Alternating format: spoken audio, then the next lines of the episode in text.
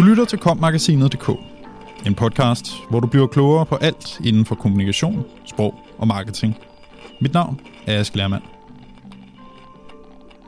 Mange kommunikationsafdelinger er blevet trygtestet under coronakrisen. Kom med ind i maskinrummet hos to centrale aktører, der skruede op for tempoet, og hvor man især det ene sted forsøgte at skabe et folkeligt projekt i kampen mod den virus, der vendte op og ned på vores hverdag. Coronakommunikationen skulle skabe et folkeligt projekt. Coronakrisen sendte kommunikationsfolket på overarbejde og ud i farvand, hvor ingen eller meget få havde svømmet før.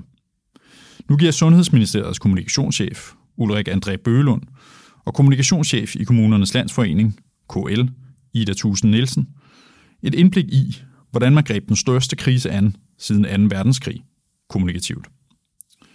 Noget, som de begge fremhæver, er hastigheden i kommunikationsarbejdet, mens man under pandemien i Sundhedsministeriet har forsøgt at kommunikere i realtid, har man i kommunernes landsforening været nødt til at bypasse arbejdsgangen. Folkeligt projekt. På Slottholmen i København har Sundhedsministeriet haft en central rolle i forhold til den kommunikation, der er kommet fra den socialdemokratiske regering, og blandt andet Sundhedsstyrelsen, Lægemiddelstyrelsen og Statens Serum Institut. Kommunikationschef Ulrik André Bølund oplyser, at kommunikationen har stået på flere ben. Udfordringen i en risikosituation er, at det objekt, der kommunikeres om, hele tiden forandrer sig, mens vi også selv bliver klogere på det. Derfor skulle vi være klar på, hvilke usikkerheder der var, og hvilken viden vi havde på de forskellige tidspunkter. Vi har gået på to ben. Det ene ben er optimismen. Hvis vi holder afstand, lader os teste, bliver vaccineret, så giver det mulighed for, at vi kommer godt igennem. Det andet ben er det pessimistiske. Vi skulle fortælle om risici og worst case scenarios, hvis smitten løb løbsk, og der ikke var restriktioner osv., siger Ulrik André Bølund, der har været med hele vejen og som blev kommunikationschef undervejs. Han forklarer videre, at man har haft et stort ønske om at kommunikere i nærmest realtid, fordi det, der har svaret den ene dag, ikke var svaret den næste dag. Hvorfor optimismen? Hvorfor ikke bare kommunikere nøgtern og savligt? Det skal jo også være nøgtert og savligt, men der har også været positive elementer, der skulle fremhæves. Vi vidste ret tidligt, at hvis vi holdt afstand, så kunne vi bremse spredningen af virus. Det formulerede vi positivt, siger Ulrik André Bøgelund. Han tilføjer, Formålet med kommunikationen har været at skabe et folkeligt, kollektivt projekt. Det har været vigtigt at definere et fælles mål. I Danmark er vi lykkedes med at formulere et moralsk projekt, hvor vi passer på hinanden. Normalt, når man laver en kommunikationsplan, kigger man meget på, hvem målgruppen er. Her har målgruppen været hele befolkningen. Derfor var det vigtigt at få formuleret et fælles mål og en fælles sag, som danskerne kunne se sig i. Ulrik André Brølund henviser til det såkaldte HOPE-projekt, hvor professor ved Aarhus Universitet, Michael Bang-Petersen, løbende har målt befolkningens bekymringer og opbakning til den førte politik. I den seneste og sidste rapport, der er offentliggjort den 6. august i år, kan man læse, at Danmark er det land i undersøgelsen, hvor der har været det klart højeste niveau af tillid til regeringen under pandemien. Andet sted fremgår det, at hvis det sammenlignes med de resterende lande i undersøgelsen, fremgår det, at Danmark har under hele pandemien haft et relativt højt niveau af tillid til sundhedsmyndighederne. Hele grundpræmissen om, at vi kommunikerer om usikkerheder og løsninger, har været der fra dag 1. Det er nøglen i risikokommunikation, og hvis man skal skabe tillid, så tyder alt på, at man skal sige ting med de usikkerheder, der er. Man skal også tillide til, at borgerne kan håndtere kompleks information, som for eksempel vacciner, siger han, og fortsætter. Folk har haft en villighed til at holde afstand, lade sig teste og vaccinere. Det tænker jeg også er konkrete eksempler på, at folk har forstået budskaberne. Og på trods af, at der har været forskellige udmeldinger, så har der ikke været tvivl om kernen i det fælles projekt. Det bekræfter, at kommunikation er helt afgørende for at håndtere sundhedskriser. Og tilliden for befolkningen kommer også, fordi man er åben og meget kommunikerende. Mail og hotline som redskab.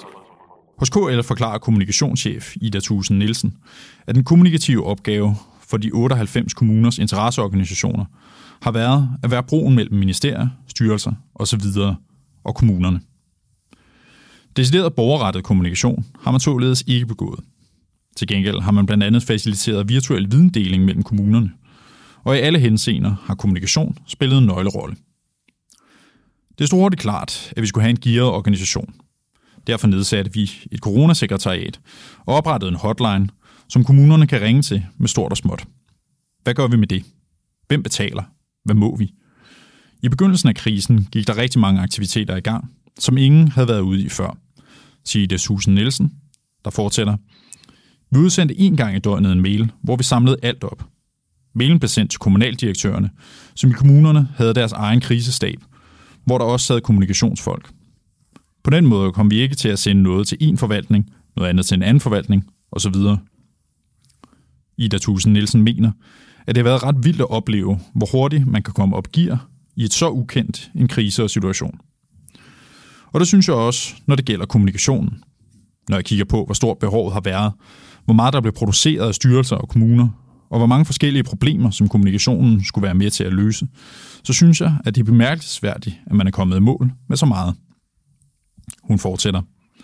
Det viser, både i kommunerne og i vores eget hus, at kommunikationen har været et super vigtigt redskab. Kommunikationskompetencen har været i spil på en helt anden måde end tidligere. Hvordan?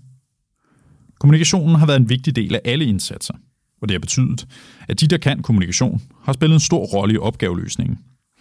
Det er ikke fordi kommunikation ikke har fyldt noget tidligere. Her har den bare fyldt rigtig meget, siger Eda Tusen Nielsen. Er kommunikation rykket op i hierarkiet? Det vil nok være at tage munden lidt for fuld, men coronakrisen har vist os, hvor stor betydning kommunikation mellem myndigheder og borgere har. Vi har haft et rigtig alvorligt problem, og der har mange nok fået øjnene op for, hvad det er, kommunikation som redskab kan, siger hun. Ligesom i Sundhedsministeriet har hastighed været et nøgleparameter for KL. Maskineriet har været smurt til et andet tempo, som Ida Thusen Nielsen formulerer det. Et eksempel på det finder man i udarbejdelsen af pressemeddelelser. Normalt skal indholdet først gennemgås af faglige konsulenter, så det er igennem en kontorchef, inden det kommer forbi en direktør. Undervejs har vi bypasset de arbejdsgange flere gange, så vi er gået direkte til direktøren, eller har accepteret, at noget blev godkendt på et lavere niveau, fordi der ikke var tid til andet. Et andet eksempel er samarbejdet med myndighederne. Vi har kunnet ringe op til Sundhedsstyrelsen og sige, at vi har brug for materialer om det og det. Der har vi ikke skulle skrive side op og side ned, siger Etta Tusen Nielsen. Hun opsummerer. Vi har været i en situation, hvor ting simpelthen skulle videre. Det har givet nogle mennesker et kæmpe ansvar, som har været fedt, og som de har kunne leve op til.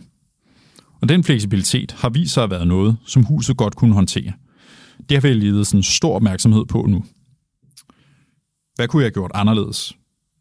Jeg synes, det er svært at sige, men jeg er sikker på, at hvis vi, Gud forbyde det, kommer til at opleve det igen, så har vi nogle erfaringer med os, som betyder, at vi kommer til at gøre noget anderledes. Men hvad og hvordan, ved jeg ikke, siger Ida Tusen Nielsen. I Sundhedsministeriet synes Ulrik André Bølund, at det er vanskeligt at svare på, om kommunikation er rykket op i hierarkiet. Corona har sprængt rammerne for, hvor lang tid en sag kører. Der er noget af pandemiens berettermodel, der gør den interessant i sig selv. Så længe smittetallene er lave, og der ikke er så mange restriktioner, så kan man godt opleve det som om, at det fylder for meget. Men i de perioder, hvor det ser anderledes ud, bliver det meget præsent igen. Medierne har også holdt os i ilden og grænsket hver beslutning og risikovurdering – Derfor er det også blevet meget tydeligt, at man er nødt til at have et holdbart setup, siger han. Uklar melding. Om samarbejdet med især styrelserne under Sundhedsministeriet, siger Ulrik André Bølund. Vi har arbejdet tæt sammen, men der har også været en stor grad af autonomi, så styrelserne har kunnet kommunikere selvstændigt ud fra deres rolle i sundhedsvæsenet. Fra ministeriets side har det også handlet om at få ministeren til at forstærke mange af de borgerrettede kommunikationskampagner, som især Sundhedsstyrelsen og Lægemiddelstyrelsen har kørt. Undervejs har der også været kritik af den offentlige kommunikation, og Sundhedsministeriets kommunikationschef anerkender, alt ikke har siddet lige i skabet. Undervejs har der for eksempel været stor forvirring af befolkningen. Måtte børn lege sammen? Hvornår har man været i nær kontakt? Var mundbind egentlig en god eller en dårlig idé? Og hvorfor rykkede myndighederne ikke hurtigere med anbefalinger, da WHO-chefen sagde test, test, test?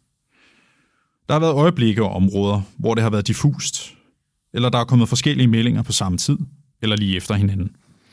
Hvis man ser overordnet på det, så synes jeg, vi har klaret det utroligt godt, siger Ulrik André Bølund.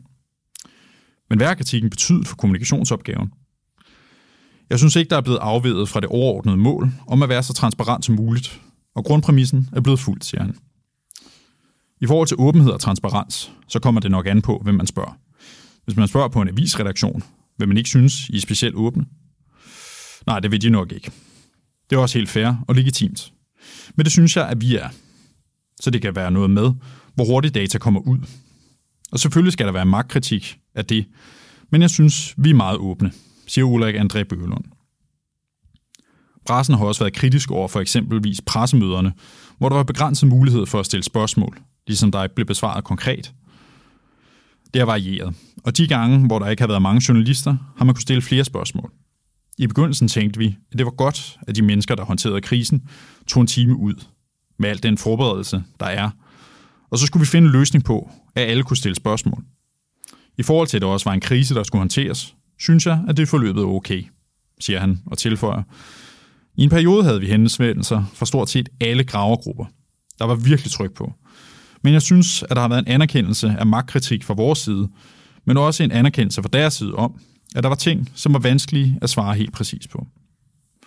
Under krisen blev Sundhedsministeriets kommunikationsafdeling mandet op med folk fra andre ministerier, så den blev Slotholmens største, mens man i KL kunne klare sig med den normale bemanding. Du lyttede til kommagasinet.dk, podcasten til dig, som elsker kommunikation, sprog og marketing. Subscribe, del og lyt med i næste uge. Podcasten er indtalt af Anne Nim og Ask Lermand, produceret af Mark Justusen Pedersen og udgivet af Kommunikation og Sprog.